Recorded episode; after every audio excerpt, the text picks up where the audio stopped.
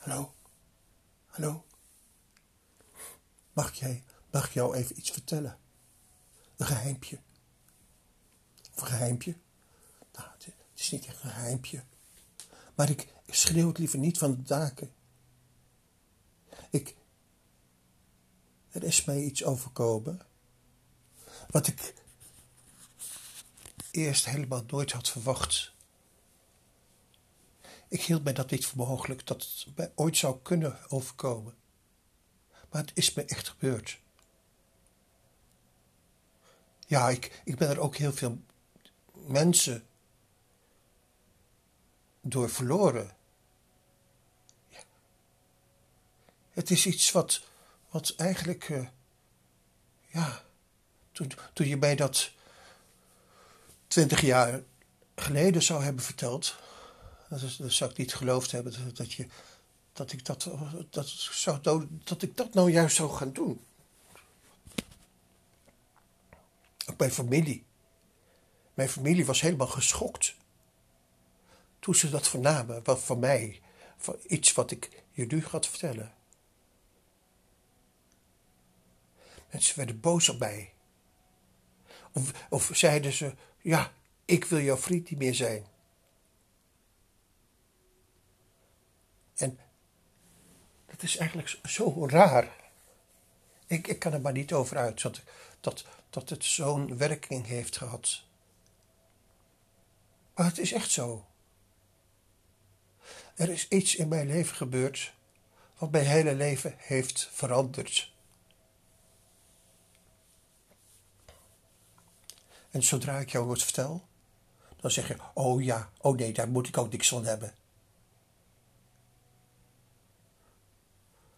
Dat is mij heel vaak gebeurd. Dan zeggen mensen eerst ja en amen, maar in de praktijk lachen ze me uit. En dat vind ik niet leuk. Vind ik helemaal niet leuk. Maar toch wil ik je te vertellen. Het is namelijk zo. Ja, uh, mijn ouders weten dat ook. Wisten dat ook altijd. Dat ik gek, heb, gek ben op verhalen. Ik was een verhalenman. Ik, ik hield van sprookjes. En eigenlijk kan ik je vertellen dat ik er zelfs mee afgestudeerd ben met een sprookje. En weet je welk sprookje? Het lelijke jonge eendje. Ik heb dat hele verhaaltje willen illustreren. Sprookjes, dat, dat, was niet gek. Dat, dat mocht allemaal. Sprookjes waren mooi. Ik weet goed, toen ik in 1988 een vriendinnetje kreeg, toen,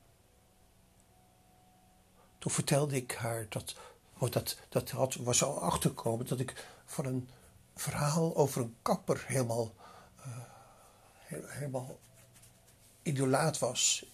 Het verhaal van een kapper die ergens uit Spanje kwam. En die kapper, die, ja, dat was, was zo'n geweldig verhaal, vond ik dat. Die had van alles meegemaakt. Die was de hele wereld rondgereisd en uh, was uh, acteur geweest, uh, ja, verkoper van kwakzalver. hij was alles geweest. Hij had allemaal beroep gehad en hij was, had zich nooit thuis gevoeld in die beroepen.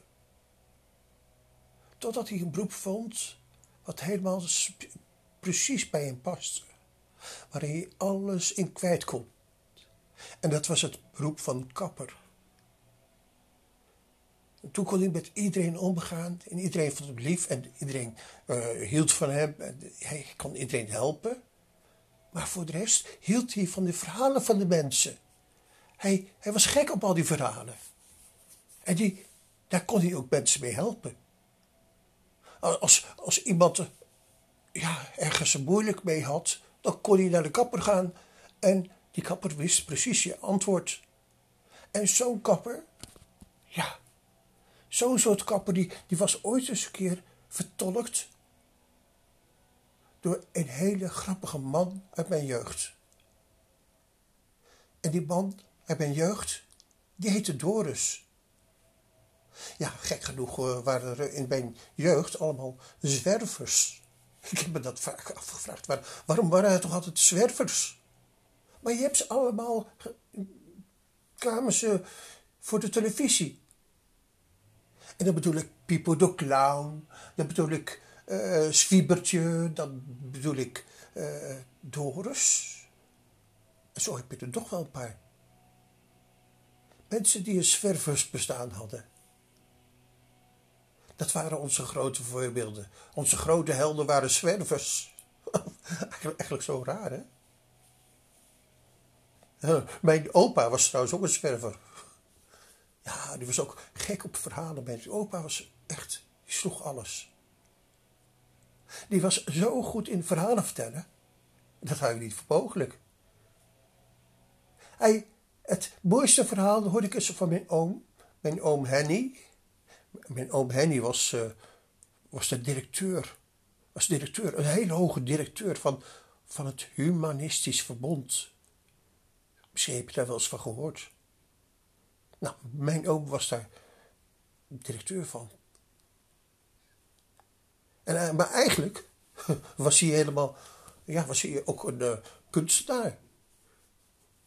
Hij maakte schilderijen en tekeningen. Dat was zijn manier van uiten. Maar hij had ook een, ja, hij was ook een beetje uitvinder.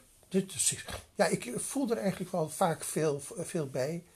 Als ik het over bij oom Henny heb, dan is dat bij een, grote vriend van mij geweest. Dan ging ik met hem, ja, ik, uh, toen ik ontdekte dat hij ook veel met kunst had, nam ik hem mee naar theater, nam ik hem mee naar uh, allerlei mooie voorstellingen. En dat, dat ja, was leuk, we gingen altijd samen eten, het, altijd leuke gesprekken met elkaar gehad. Hij was ook de enige die op een eindexamen was voor mijn familie. Niemand anders was gekomen. Alleen mijn oom, mijn oom Henny. Ja, dat is natuurlijk een hele bijzondere ervaring dat je zo'n oom hebt. Maar ja, ik leid af. Ik, ik ben dus altijd gek op verhalen geweest. Ik heb dat verhaal van de kapper, heb ik je nou net verteld. En, en dan kom ik ook nog eens notabene zo'n kappertje tegen in, in Amsterdam, die daar woont. Ja, uh, soms als je leven er zo uitziet als dat voor mij, dan heb je heel veel verhalen ook meegemaakt. Want het is net alsof je, wanneer je van, verhalen houdt, dat je ze ook allemaal meemaakt. Nou goed. Genoeg hierover. Dat kappertje in Amsterdam was trouwens, uh, ja, werd een grote vriend van mij. Die, uh, die, die, die, die, was gek op dat verhaal van die kapper daar ergens in Sevilla. Hij, hij, hij was ook een beetje gek hoor. Ja, dan moet je niet verder vertellen hoor. Maar hij was wel een beetje gek. Hij beschouwde de haren als de Athenes van de ziel. Ja. En hij zei me altijd: Oh, ik kan precies zien of iemand geknipt is door een man of een vrouw. Dat, dat kan ik. En ik zal nooit vergeten wanneer ik hem voor het, toen ik hem voor het eerst opbelde. Ja, toen zocht ik gewoon een kapper. Ik moest naar kapper. En ik uh, zag in, de, uh, in het, in het uh, telefoonboek, want dat ging je toen nog wel eens naar kijken. In het telefoonboek zocht ik uh, naar een kapper. En toen kwam ik de naam Figaro tegen. Oh, ik hoorde, ik hoorde het alarm. Het is twaalf uur zeker. Maandag, eerste maandag van de maand, ja. Nou ja, ik ga even verder. Ik. Uh, waar was ik nou ook weer? Oh ja.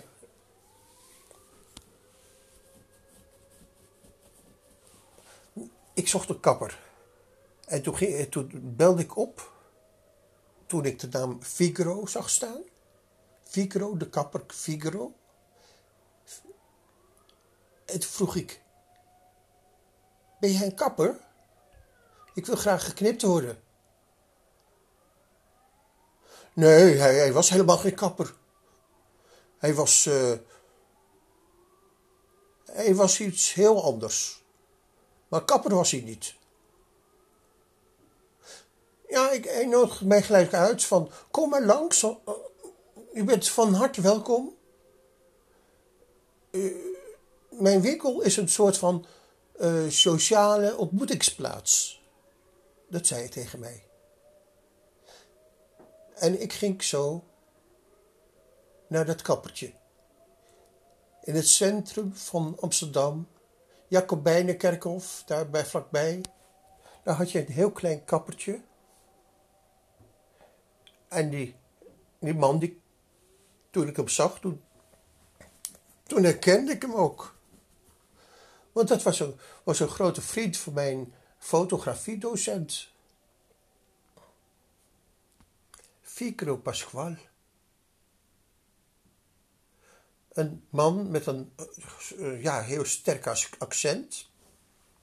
En ik kreeg inderdaad een heel lekker glaasje wijn. En ik, hij vertelde honderden en een uit. Het was een echte verhalenman, net zoals ik eigenlijk. Ja. Ik weet goed dat mijn, mijn eigen zusje, die zat op een gegeven moment op de kappersvakschool. En die ging naar Amsterdam. Toen zei ik tegen mijn zusje: Weet je, ik heb nog een leuk uitje voor je, voor, voor, voor, voor je school, voor je klas. Dan ga je nu met mij mee naar een heel bijzonder kappertje. Ja, dat hebben ze gedaan. Ze zijn met z'n allen meegegaan. Ja, tien, tien, eh, tien uh, jonge vrouwen. Ging met me mee om naar mijn nieuwe vriend, de kapper, Ficro Pasquale te gaan. Dat is uh, belevenis van, heb ik jou daar natuurlijk. Oké, kappers, ik hou uh, verhalen. Ik hou dus van verhalen. Maar nu moet ik je iets vertellen. Wat ik misschien wel eens een keer ergens heb verteld, maar niet aan jou in ieder geval. Ik, het is mij overkomen dat ik. Uh, ja. Dat ik dus met allemaal mensen waar ik helemaal vol van was, daar ging ik mee om. En dat was ook mensen die bij mij vaak colleges op de kunstacademie hebben gegeven. Daar ging ik ook mee om. En een van die mensen die, die, die ik kende, ook persoonlijk, was een verhalenverteller. En die verhalen, verhalenverteller is een hele bijzondere. Dat is Willem de Ridder. Hij, hij is een zogenaamde fluxuskunstenaar, was hij. En ja, als je, als je weet wat fluxus is, dat, dat is weer een verhaal. Dus eh, zo, zo heb ik dat nou altijd. Dan begin ik met een verhaal en dan komt het ene verhaal in het andere verhaal en dan krijgt dat verhaal weer. Ja, en soms raken mensen de, de, de draad dan kwijt. Maar ik, ik hoop dat je er nog steeds bij me bent. Want ik wil je vertellen dat ik, ja, die fluxus, dat was ja, toch eigenlijk een bijzondere tijd.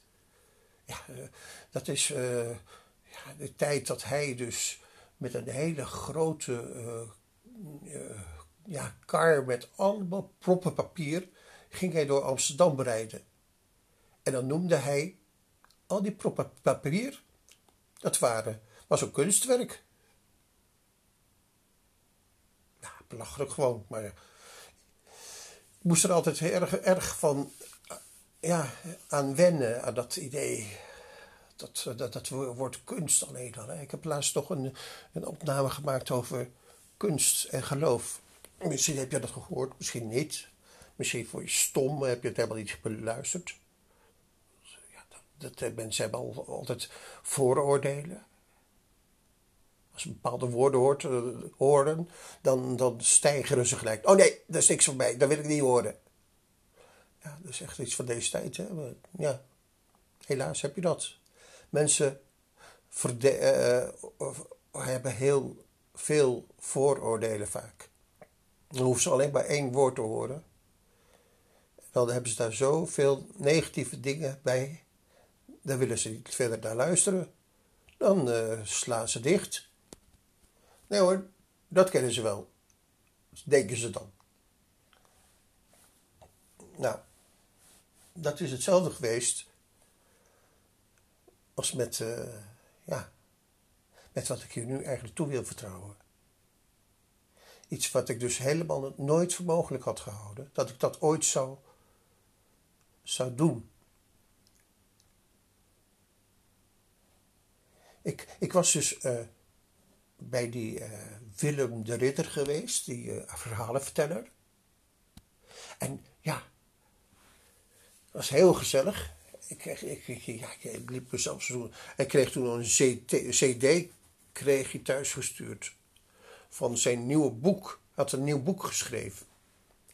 En dat nieuwe boek heette Spiegologie. Nou, uh, ongelooflijk verhaal had hij er weer bij. Ja, het is, mensen, het is, echt gebeurd hoor. Ik vertel geen fabeltjes. Hij had dus een CD toegestuurd gekregen. En die CD uh, dat, die, hebben we samen beluisterd. En dat was de zogeheten spiegologie-rap.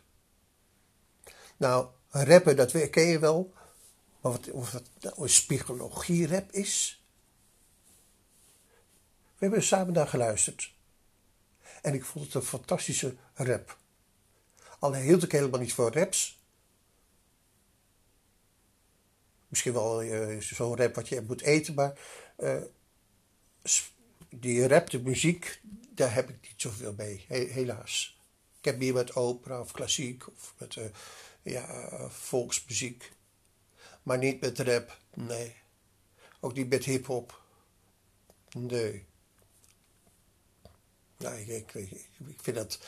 Als ik, als ik aan de hip-hop denk, dan denk ik gelijk aan de ja, concerten die ik gezien heb van die, van die mensen die. Uh, die dan massaal duizenden mensen laten hoppen.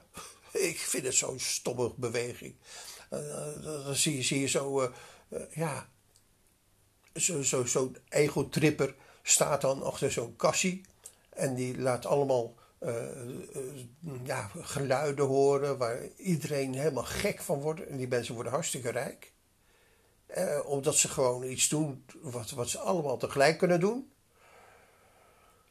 Ja, nu kan dat niet meer, maar eh, ja, dat is een grote opmars gehad, heeft, heeft het gehad, ook in Japan, China. Uh, ik heb jongens gesproken die daar helemaal, ja, hoeft ze hoeft eigenlijk helemaal niet muzikaal te zijn. Ze hoeft helemaal niks te kunnen met van muziek. Ze moest alleen maar een beetje technisch zijn. Uh, master in de techniek. En dan konden ze, allemaal dingen eh, mixen en uh, ja, bij elkaar stoppen. Ja, met, met, met dat soort trucages, daar is die André van Duin natuurlijk ook mee begonnen. Die was eigenlijk iemand die allemaal dingetjes, effecten deed met geluiden. Nou, die is dus natuurlijk wel een grote ster in geworden. Maar goed, ik, ik, ik merk dat ik alweer bijna 20 minuten aan het lullen ben. En ik heb nog steeds niet verteld wat ik je wilde vertellen. Want ik wilde, wilde je een verhaal vertellen. Een verhaal over mezelf. Wat ik, waar ik ja, misschien niet zo heel vaak aan de grote klok wil hangen. Omdat mensen mij altijd ermee gaan veroordelen.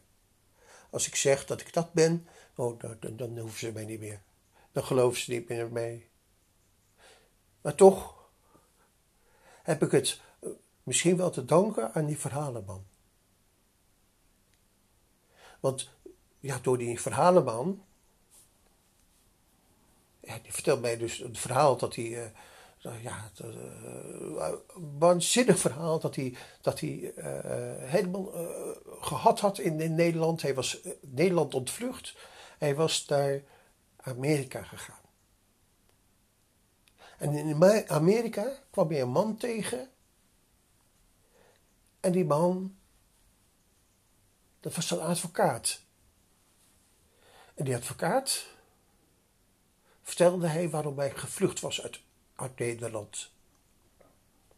Dat hij er gewoon helemaal niks meer aan vond in Nederland. Dus allemaal maar achter elkaar aanliepen en allemaal uh, modegrilletjes aan het volgen waren. Nou was hij zelf natuurlijk ook mee bezig geweest met die fluxus, maar oké. Dat even buiten beschouwing gehouden, gelaten. Hij had het gehad met heel Nederland. En toen kwam hij een advocaat tegen en die vertelde hij dat. Maar die advocaat die zei van, ja, dat is eigenlijk heel logisch wat, wat er gebeurt. Want weet je, mensen weten niet meer ja, wat ze, waar ze eigenlijk voor bedoeld zijn. Mensen vergeten één ding. Die vergeten om lief voor elkaar te zijn. Ja, het is eigenlijk zo logisch, maar ja, mensen doen dat van, van kinds af aan op een natuurlijke manier. Ze, gaan, ze houden van elkaar, ze, leren dat ze ook lief tegen elkaar moeten doen. Maar door al die vele indrukken, die vele aanbod van de reclame en uh, al die aanbieders, worden ze gek kunnen ze hun aandacht niet meer richten en vergeten ze helemaal wat liefde is. Maar, zei die man in Amerika, hij heet, hij heet trouwens echt, hij bestaat nog steeds. Hij heet Arnold Patent. Zoek het maar op in Google. En die man die zei van, ja, dat, dat kan je nog wel leren. Je kunt het nog leren. Als jij dat graag wilt, dan kun je dat leren. En dat is ook helemaal niet zo moeilijk. Je moet gewoon een, groep mensen bij elkaar zoeken. En die uh, mensen, die moeten met elkaar afspreken dat ze allemaal lief voor elkaar doen. Ja, toen dacht ik gelijk aan de, de, groep waar ik kort geleden nog lid van was geworden. Van Saraida. Daar had je ook wel eens spelregels, hè? Die heeft ook spelregels en ja, je ziet het eigenlijk overal. Spelregels zijn belangrijk. in ieder geval, Willem de Ridder, die verhalenverteller, die had het te horen gekregen van een advocaat uit Amerika. En toen hij gehoord had dat, dat je dat gewoon zo kon beginnen, kon zomaar een groepje beginnen. Daar hoef je helemaal niks voor, voor, voor, te kunnen. Dat kan, dat, kan, ja, dat kan iedereen. De grootste boerenlul kan zo'n groep beginnen. Als je een goed idee heeft, nou, dan gebeurt dat gewoon. En hij was natuurlijk al een klein beetje bekend als verhalenverteller. En dit was natuurlijk een helemaal nieuw iets voor hem. Hij heeft erover nagedacht en hij is weer teruggegaan naar Nederland. En in Nederland, toen ging hij zich terugtrekken op een eiland, Ameland. En heeft hij een spel geschreven. Net zoals die Amerikaan Arnold Patent hem had verteld, maakte hij een, een spel en dat spel, dat noemde hij spiegologie. Niet psychologie, maar spiegologie. Iedereen was eigenlijk een spiegel van elkaar. En dat klopte helemaal. En uh, toen hij uh, een maand lang alles bij elkaar gezocht had. En ook nog een, een CD had opgenomen. Toen kwam hij weer terug. toen heeft hij een boek uitgegeven. En dat boek, dat kan je nog steeds kopen bij uh, buntbol.com, zoals Sarai daar, altijd ook reclame voor maakt. Dat is natuurlijk uh, bol.com. Ja, eigen reclame maken voor je eigen uitschrijverij, dat is natuurlijk altijd zeer geliefd. Ik vond het ook zo opvallend van de Sarai daar, dat ze dat, waar, toen ze de vraag kreeg van waar kan je dat nou kopen? Dan, nou, dan moet je gewoon kopen bij bol.com, zei ze dan. Terwijl, uh, ja, als ik denk waar ik iets kan kopen van een microfoon, dan denk ik gelijk aan een uh, winkel. Nee, nee, bol.com, dat is de winkel. Dat is de online winkel. Ze, in, in hoofd komt dat helemaal niet meer voor dat je gewoon ook naar een winkel kunt gaan, zoals Mediamarkt, een hele grote winkel. En die verkopen dat ook allemaal. Maar dat zei ze niet, want daar wilden ze geen reclame voor maken. Want vertel je iets, dan maak je reclame. Ja, dat moet je niet doen. Je moet eh, reclame maken voor diegene die jou steunen. En alleen dat. En alle anti-reclame, daar moet je ook uh, gewoon de pest aan krijgen. Want dat, is, uh, dat hoort er ook een beetje bij. Zo worden mensen allemaal in, in, hokjes gedouwd. Maar ja, dat, ik ben dan weer aan het afdwalen. Ik, ik vertelde dat uh, die verhalenverteller, Philip de Ridder, was naar Ameland gegaan. En die had een boek geschreven. Het heette Spiegologie. En dat had hij verspreid in Nederland België. En ja, toen vertelde hij mij: Hans, je wilt niet geloven. Maar toen ik dat boek heb uitgegeven, toen zijn er echt honderden groepjes ontstaan in heel Nederland. In Nederland en in België. En die mensen die gingen elke week bij elkaar komen. En die gingen dan dat spel van hem spelen, een psychologiespel. Wat? Is dat echt zo, Willem?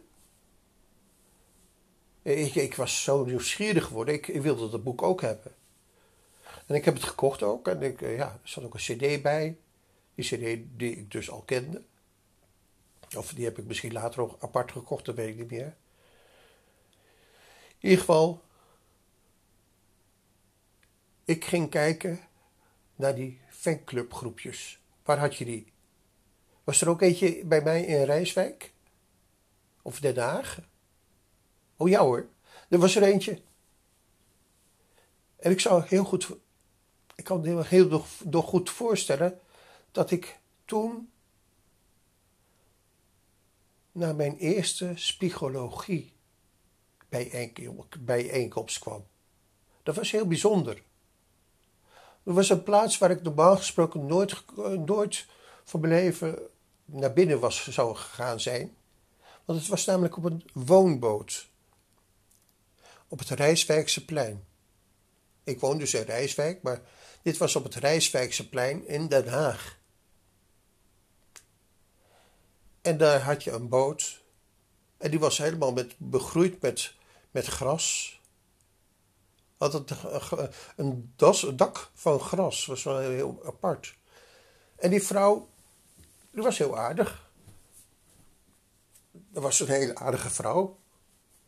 En we kregen daar uh, voor die alternatieve thee en zo. En ze was een beetje, ja, zo'n, zo uh, ja, hoe, hoe heet je zo'n type? zo'n alternativo. Zo'n uh, zo'n zweverig type, zeg maar. Maar het maakt niet uit. Oké. Dat spel was ook een klein beetje zweverig. En dat vond ik ook helemaal niet erg. En we gingen met elkaar. We begonnen dan. En dan moest je ook in een kring gaan zitten. En dan moest je elkaars handen vasthouden. Ik kan op deze tijd helemaal niet meer. Maar uh, toen moest je dus elkaars handen vasthouden. En in een kring zitten. En je ogen dicht doen. En er was er één iemand die ging het verhaal vertellen. De, introductie heette dat. En sommige groepen deden dat gewoon met een cd van uh, Willem. Want dat had hij al lang uh, zelf ook ingesproken. Want hij dacht van ja, mensen die kunnen dat misschien niet zo goed als ik dat kan. Maar ja, toen in, op die woonboot aan het Rijswijkse plein. eh, was, dat, eh, ja, eh, was er wel iemand die dat ging voorlezen, de introductie. Een soort van gebed, zeg maar. De, uh, nou, dat, dat, dat, je lief voor elkaar bent en dat je gewoon afspraakt, afspreekt dat je nou, gaat luisteren en zo. En, ja, hele goede dingen allemaal. En ja, daar gingen dus allemaal hele ongebruikelijke dingen. Er waren allemaal spelregels. Ja, je had, je had ook. Uh, ja. De spelregels voorlezen. Dat, dat, dat, dat, gebeurde geloof ik ook. Ik, ik weet het niet meer precies. Maar je had heel veel elementen die erin zaten. In dat ene spel van de psychologie. Als je tijd hebt en je hebt er zin in, dan kan je dat natuurlijk altijd opzoeken. Spiegologie kan je zo googelen natuurlijk en dan kom je erbij. Dan kom je erachter. Oké. Ik was dus uh, spiegologie gaan bedrijven. Niet psychologie, dat, dat deed ik ook, maar uh, spiegologie was ik ook gaan bedrijven. En ik vond het heel leuk. Het was heel gezellig heel afwisselend. Je ging elke week ging je weer naar een ander huis, want dan uh, ja, uh, sprak je af met elkaar. Dan, dan, dan was het weer bij die en dan weer bij die. En zo roleerde het altijd bij mensen thuis. En zo kwam je altijd met een grote groep mensen bij één iemand thuis. En uh, ja, heb ik jarenlang gedaan, een jaar of twee. En dat begon dus allemaal bij een vrouw en die heette Antoinette. Dat weet ik nog. Ja, hoe, weet ik dat dan nog? Ja, dat is weer een heel ander verhaal. Want die, dat meisje, of die jonge vrouw, eh, die van mijn leeftijd was, die, in die woonboot woonde aan het Rijswijkse plein, Ja, daar is namelijk iets opvallends mee gebeurd.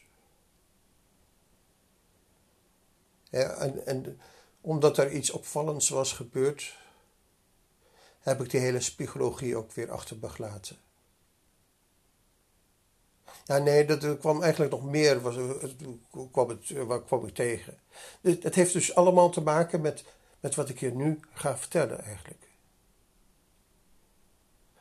Want uh, toen ik mij in verbinding ging stellen met die psychologiegroep, die verhalenclub,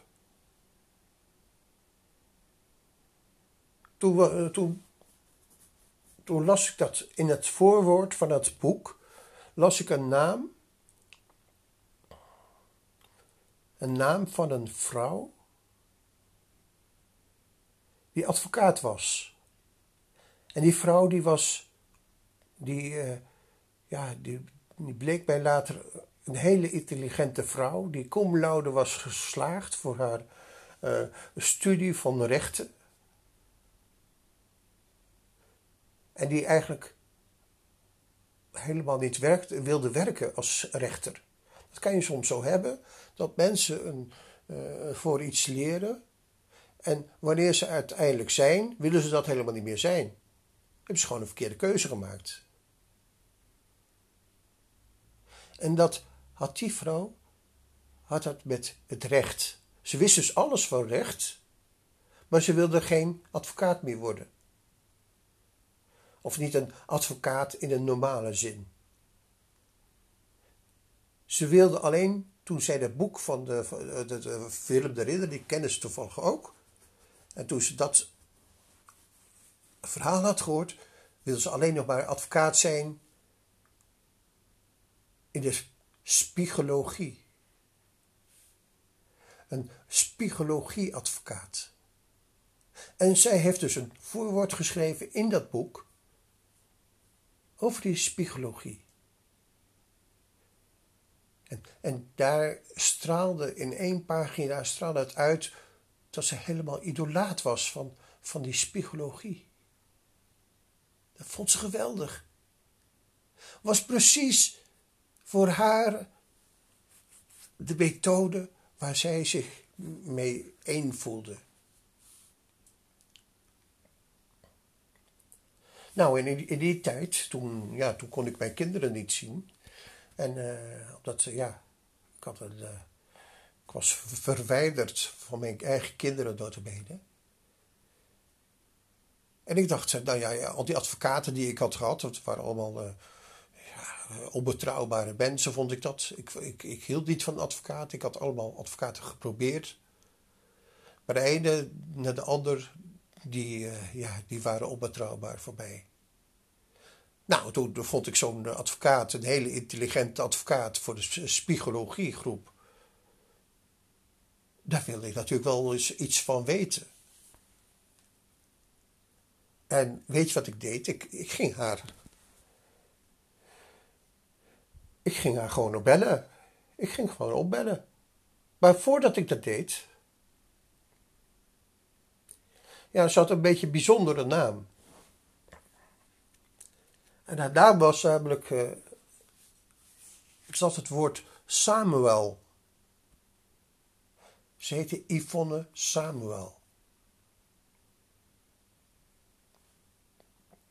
En toen dacht ik, ja, wat is het toch voor een vreemde naam, Samuel. En heel ver weg kende ik het verhaal. Of eh, dacht ik, ja, die, de, de, naam dat komt geloof ik ergens in een verhaal voor. En dan wilde ik eigenlijk wel eens weten, wat betekent dat Samuel eigenlijk? Nou, toen ben ik uh, dat, eh, dat wilde ik toen gaan opzoeken. En ik keek dan niet nog gelijk in het woordenboek of in, in, in de computer, maar ik, ik ging gewoon zoeken. Nou ja, of, ja, zo ben ik gekomen. Ik, eh, ik heb gewoon Samuel ingetoetst op mijn computer, geloof ik. En toen kwam ik uit bij een organisatie die Samuel heette. Nou, toen dacht ik van dat mensen die, die hun naam Samuel hebben genoemd, die weten vast en zeker wel ja, wat, wat dat voor een groep is. Wat, wat, wat, wat Samuel, wie, wie dat eigenlijk was. Dus ik belde, uh, ik belde die organisatie van de stichting Samuel, denk ik, op. Ja, en dat bleek, uh, ja, dat bleek een of andere kerkelijke organisatie te zijn. Dat maakt niet uit, kerkelijk of niet. Uh, ik had wel niks met kerken, maar ik wilde gewoon weten wat Samuel betekent. Nou, toen kreeg ik te horen van, ja, Samuel, dat was de zoon van een zekere Hanna. En dat was eigenlijk een heel mooi verhaal. Heel bijzonder verhaal. En uh, toen ik dat gevraagd had en ze had mij antwoord gegeven, was een vrouw die bij te woord stond. Toen vroeg die vrouw gelijk aan mij: uh, Meneer, wilt u, wilt u misschien niet eens kennis maken met verhalen? Ver, oude verhalen uit de uit de Bijbel. Bijbel? Wat moet dat wel weer mee? Eh, in eerste instantie vond ik dat niks altijd, maar ze zei van, ja meneer, het is gratis, het kost helemaal niks. U krijgt de cursus, kunt u via het internet doen. En uh, ja, de, de, de, cursus heet uh, Waarom Jezus? Nou, oké. Ik dacht, uh, vooruit erbij. Ik, ik laat het over me komen. Ik, ik ga die cursus gewoon aan. En mijn eerste internetcursus ging ik beginnen, begon ik over waarom Jezus. Niet veel langer eh, later kreeg ik een boekje, te, uh, kreeg ik een paar boekjes toegestuurd. Eh, allemaal richtlijnen, spelregels. En hoe je dan online kon gaan en hoe je dan vragen moest beantwoorden. En ik had daarmee mijn eerste Bijbeltje ontvangen. Mijn eerste Bijbel had ik in huis. Een boek waar ik eigenlijk nooit iets van wilde weten, kreeg ik zo bij een huis. Voor niks. En ik heb het nog steeds. En toen ik dat ja, gedaan had, toen. Uh, ja, ik, ik, ik, ja, je moest allemaal, je kreeg allemaal opdrachten, bijvoorbeeld om eh, zelf een gebed te schrijven. Ja, ik had dat nooit gedaan. En uh, ik ging het doen. Ik ging de eigen gebed schrijven en ik ging, ging het ook nog hard oplezen. Ja, ik vond het niet zo gek. Ik vond het ook leuk om te doen. Ja, wie was die Jezus eigenlijk? En zo is het eigenlijk gekomen dat ik via uh, het woord de naam van de advocaat van Willem de Ridder,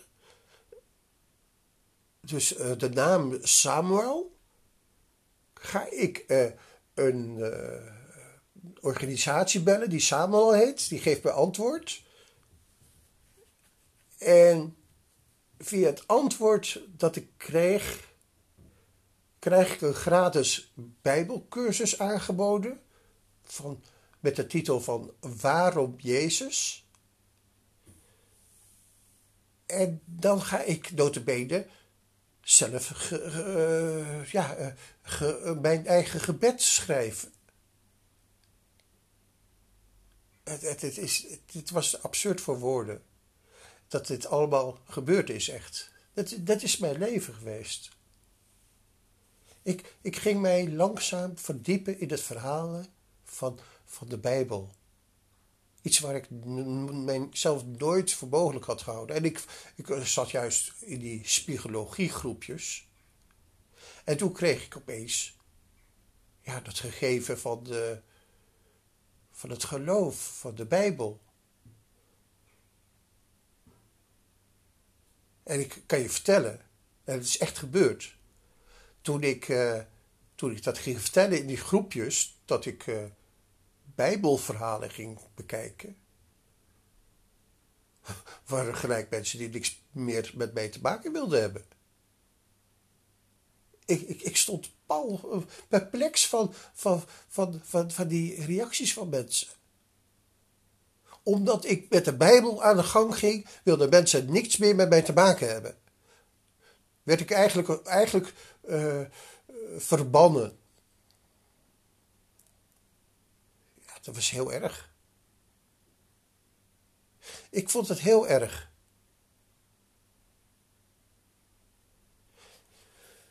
En ja, ik kan me zelfs nog herinneren dat ja, ik, ik dus twee jaar lang had ik in zo'n groepje gezeten. En toen wilden ze mij plotseling helemaal niet meer. En ik had eigenlijk uh, uh, ja, die contact gekregen met die advocaat die mij ging ja, helpen met, uh, met mijn zaak. Heeft mij via de spiegologie-methode geholpen. En ik werd gelijk een, een van de belangrijke mensen van de hele spiegologiegroep.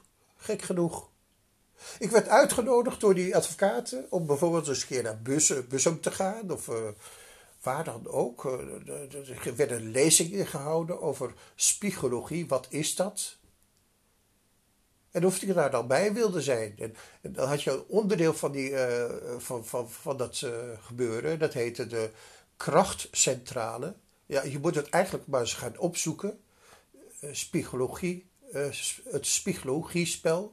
Daar zit een krachtcentrale. En dan kan je dus energie richten op één bepaald punt. En dat is een heel krachtig tool. Alle zwevers van jullie zullen daar ja, heel veel in kunnen herkennen. Dus als je, als je zo'n zwever bent die, uh, die met mystieke dingen bezig bent en die helemaal niks met God heeft, uh, dan kan je ongetwijfeld iets vinden in de krachtcentrale van het spiegologiespel. Nou, daar komt een openbaring bij je vrij, dat weet ik zeker. Dus twijfel niet langer. Ga kijken naar willemderidder.com en, eh, en dan kom je vanzelf bij die krachtcentrale uit. Ja, een vreselijke krachtcentrale. Weet je wat een krachtcentrale ook is? Een kerncentrale. Dat is ook een krachtcentrale.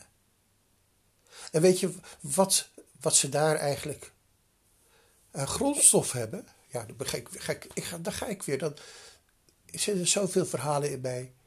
Uh, dat wil ik zeggen, de grondstof voor elke kerncentrale is uranium. En uranium, dat zijn eigenlijk beschermde gebieden voor Indianen geweest altijd. Maar die, ja, die mensen die zagen daar uh, handel in. En die hebben dat uranium uit de grond gehaald. En hebben er atoombommen van gemaakt en kerncentrales. Nou, dat, dat is een heel, klein dingetje eigenlijk even. Zo even terzijde. Maar in ieder geval, ik had op een gegeven moment uh, de smaak te pakken gekregen van die geloofsverhalen. Nou, toen ben ik. Uh, toen kreeg ik eens van iemand een tip, of daar dacht ik aan. Er was nog een hele bekende acteur in Nederland, die altijd bij poppen speelde. En daar kende ik het verhaal van dat hij, uh, dat hij plotseling uh, in zijn acteercarrière met toneelspelen was opgehouden. En helemaal in de Bijbelverhalen was gegaan. En dat, dat, is, dat, dat is een man, was een man ja, die ik heel erg goed vond. Was echt de beste poppenspeler van heel Nederland. En hij heet Jozef van den Berg. Ja, daar, daar wil ik alles van weten. Een verhalenverteller die, die op, op een bepaald moment helemaal gegaan is voor, voor uh, Bijbelverhalen. Nou ja, dat trok mij enorm aan. En dus ik ben eigenlijk uh, op zoek gegaan naar waar woont die man? En waar, uh, ja, hoe is dat verhaal eigenlijk? Want het, ik kwam weer in een vreselijk absurd verhaal en dan glijd ik weer uit. Ik, ik merk het ook wel bij mezelf dat ik het steeds uitglijd in andere verhalen. Maar ik moet je dit toch even vertellen. Ja, er is een, de, bekendste popspeler, de bekendste acteur van Nederland, die, hield, die, ja, die was er opeens mee opgehouden. En die was op een gegeven moment, van de ene dag op de andere dag, had hij het gehad. Met de poppenspelen had hij gehad. Hij wilde niet meer met poppen spelen.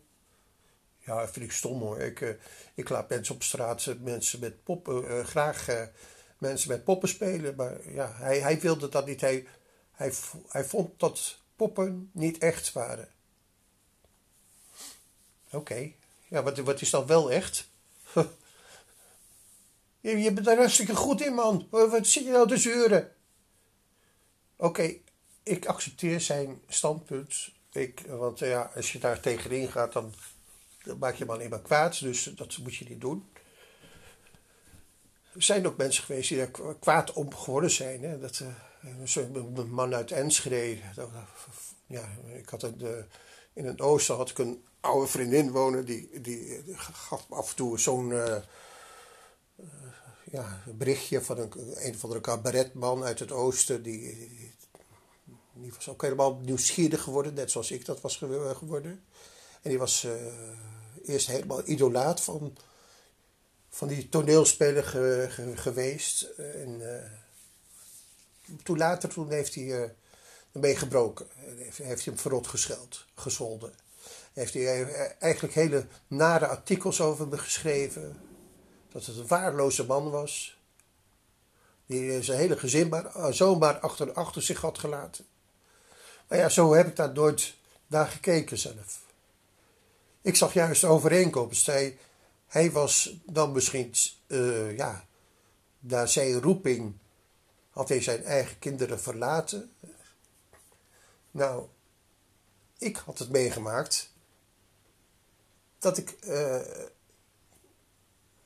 een bepaald moment in mijn leven uh, en dacht dat mijn kinderen mijn roeping waren, toen werd ik daar vandaan gehaald. Toen mocht ik niet meer met mijn eigen kinderen omgaan. Dus, maar overeenkomst tussen ons tweeën was dat wij beide onze kinderen niet meer zagen. Of vrijwel niet meer zagen.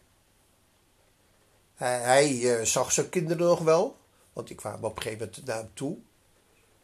Ja, vader was een beetje uh, maf geworden. En uh, ja, hij was een beetje gek geworden. zo zo werd het eigenlijk een beetje. Bij de kinderen kwam het zo terecht. En ja, toen ze, die waren toen ook nog heel jong.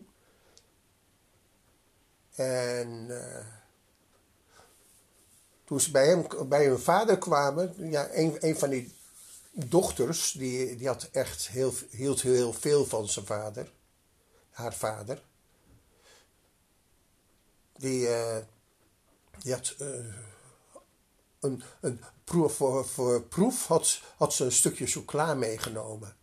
En, want als, als haar vader dat chocola ging eten, ja, dan, was, dan was het nog wel haar vader. Want ze, kon eigenlijk niet meer geloven dat het haar eigen vader was. Mensen, ja, maken soms dingen mee die heel wonderlijk zijn. En zo gebeurde dat ook met die dochter van Jozef van den Berg. Die kon eigenlijk ook niet geloven wat er gebeurd was met haar vader. Een vader die zo gek op het was die opeens wegging en die niet meer terugkwam. En die notabene in een fietsenhok ging wonen. Hij heeft twee jaar lang in een fietsenhok gewoond. Dat is geen grapje, mensen, dat is echt waar. En het meest ja, vreemde is dat ik, dat ik zelfs nog iemand heb leren kennen, jaren later, die hem in dat fietsenhok vaak heeft opgezocht. Daar heb ik zelfs nog een opname van gemaakt, van die, uh, ja, van die, dat is een van mijn beste vrienden trouwens ook.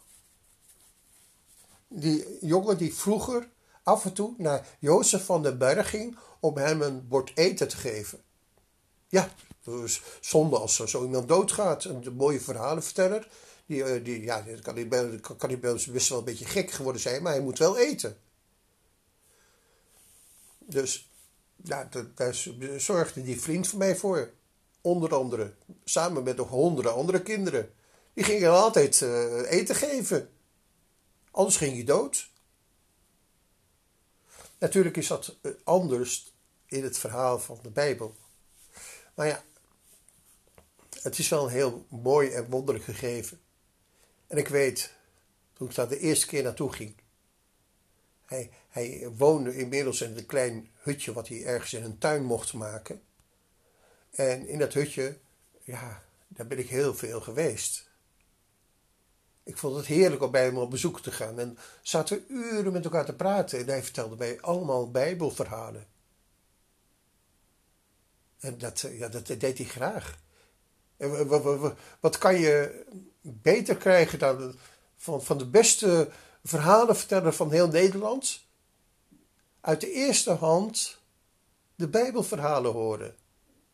Dat was geweldig. En ja, eh, ik weet ook heel goed dat zij de eerste keer tot ik, tot ik daar kwam. Toen, eh, en mijn, verhaal vertelde. Toen zei hij ook gelijk van, de, ja Hans, waarom kom je niet gewoon bij me wonen? Ja, daar kan je voor kiezen. Achteraf dacht ik van ja, dat is natuurlijk ook het uh, verhaal van, de, van Jezus ook. Dat, uh, ja, die dat voorbeeld wel eens uh, aan heeft gegeven van de mensen die. Ja. Dan denk ik even aan het verhaal van de rij, rijke man die bij hem langskwam. En ja, die, die zich afvroeg van hoe, hoe word ik zo gelukkig? Ja, nou ga alles, al je bezit verkopen en geef het aan de armen en kom achter mij aan. Ja, ik denk achteraf dat Jozef aan dat voorbeeld heeft gedacht. Maar die, ik, ja, ik, stond toen nog aan het begin van mijn carrière als ja, bijbelverhaalkundige. Ja, ik ben eigenlijk, en dan, vertel ik eigenlijk maar gelijk het verhaal waar het om gaat bij mij. Ik ben eigenlijk uh, naar aanleiding van die naam van die advocaat van Willem de Ridder, ben ik de psychologie ingedoken, maar ben ik ook ben ik eer aanraking gekomen met de verhalen van de Bijbel. En die verhalen van de Bijbel, die brachten me weer bij Jozef van den Berg. En, maar ook nog bij hele andere mensen, mensen die met de Bijbel bezig waren. Zoals uh, Major Bossart, zoals uh, Nico Terlinde, uh, Pieter Loodsma. Ja, zo kan ik een heleboel noemen in Nederland. En allemaal, alle mensen die zich bezig hielden met verhalen, die heb ik geïnterviewd. En misschien ben ik daar wel heel uitzonderlijk in, in Nederland, dat ik, dat, dat ik al die mensen heb leren kennen. Maar het is echt zo. Ik, ik ben ook iemand die dat uh, allemaal heeft. Oké. Nu is het bijna op. Uh, ik krijg een rood heats op. De maximum recording time uh, is opgelopen. Nou, ik doe het in de volgende dan maar. Uh, tot zover eigenlijk uh, het eerste gedeelte van deze spraakopname. Uh, ik ga het stoppen nu, want het is, zegt de maximum van 60 minuten is bijna op. Keep on eye on the clock. Um, tot 60 minuten mag het duren. Dus het is nog, een paar minuten. Ik kan dit nog een paar minuten vertellen wat er uiteindelijk is gebeurd. Ik heb dus, ben dus uh, ja, uh, op zoek gegaan naar, naar ja, waar, waar, wat dat is met die Bijbelverhalen. En uiteindelijk ben ik in, kreeg ik in contact in 2005 kreeg ik plotseling in contact met een vrouw uit de Filipijnen. En die vrouw uit de Filipijnen, die heette Hanna. En om het kort uh, te vertellen, ik, ik, die Hanna, die trok mij heel erg aan. Daar, wilde ik alles van weten. Die was ook gelovig. En die was gelovig ja, in een kerk uh, in de originele zin van het woord. En dat heeft niks met een gebouw, geen, kerkorgel te maken. Dus nou, ik had al een basis gekregen van, uh, van waarom Jezus. Uh, en ik, ik, sloot mij volledig bij haar aan. Zij vertelde gewoon hele goede dingen over de kerk. En over de Bijbelverhalen. En ze, ze nodigde mij uit om naar de Filipijnen te gaan. Nou, dat heb ik gedaan. Ik ben naar de Filipijnen gegaan. Uh, in 2006 ja, ben ik voor het eerst naar de Filipijnen gegaan om mijn nieuwe vriendin op te zoeken ja, ik, ik ben toen gelijk, ja, ik verloor een baan op dat, in dat jaar ook. Ik weet, het was een heel complex jaar. En, maar toen ben ik dus ook uh, via Hanna, dat is nog steeds mijn huidige vrouw, ben ik in de Filipijnen terechtgekomen en heb ik Samuel leren kennen. Ja, dat, en Samuel die heeft me, toen ik daar de eerste keer was, heeft me een prachtige mooie cd gegeven. Waar ik nog steeds ontzettend blij mee ben. En die, was, die wist alles van Bijbelverhalen. Dat was een gehandicapte man die alles van Bijbelverhalen wist. En die heeft me heel gelukkig gemaakt. Dus Samuel en, en, en Hanna, dat zijn twee hele belangrijke mensen in mijn leven geweest. En daar ben ik nog steeds heel blij mee dat ik ze heb leren kennen. En eigenlijk ze, hebben ze gewoon, uh, ja, zijn er zij misschien ook wel uh, de aanleiding geweest dat ik echt mij overgegeven heb aan een geloof. Dat ik nu eigenlijk een gelovige mens ben geworden, die eigenlijk niet meer buiten de Bijbel kan. En ja, dat is het enige wat ik even wilde zeggen. En dat ik dat ja, dat eigenlijk als een soort geheim vaak met mij moet dragen, omdat mensen daar niks van willen weten. Maar nu weet je dus een klein beetje de achtergrond van wat er allemaal vooraf is gegaan. En tot zover, want nu is het bijna een uur en dan stop ik ermee. Oké, tot zover. Tot ziens, dag.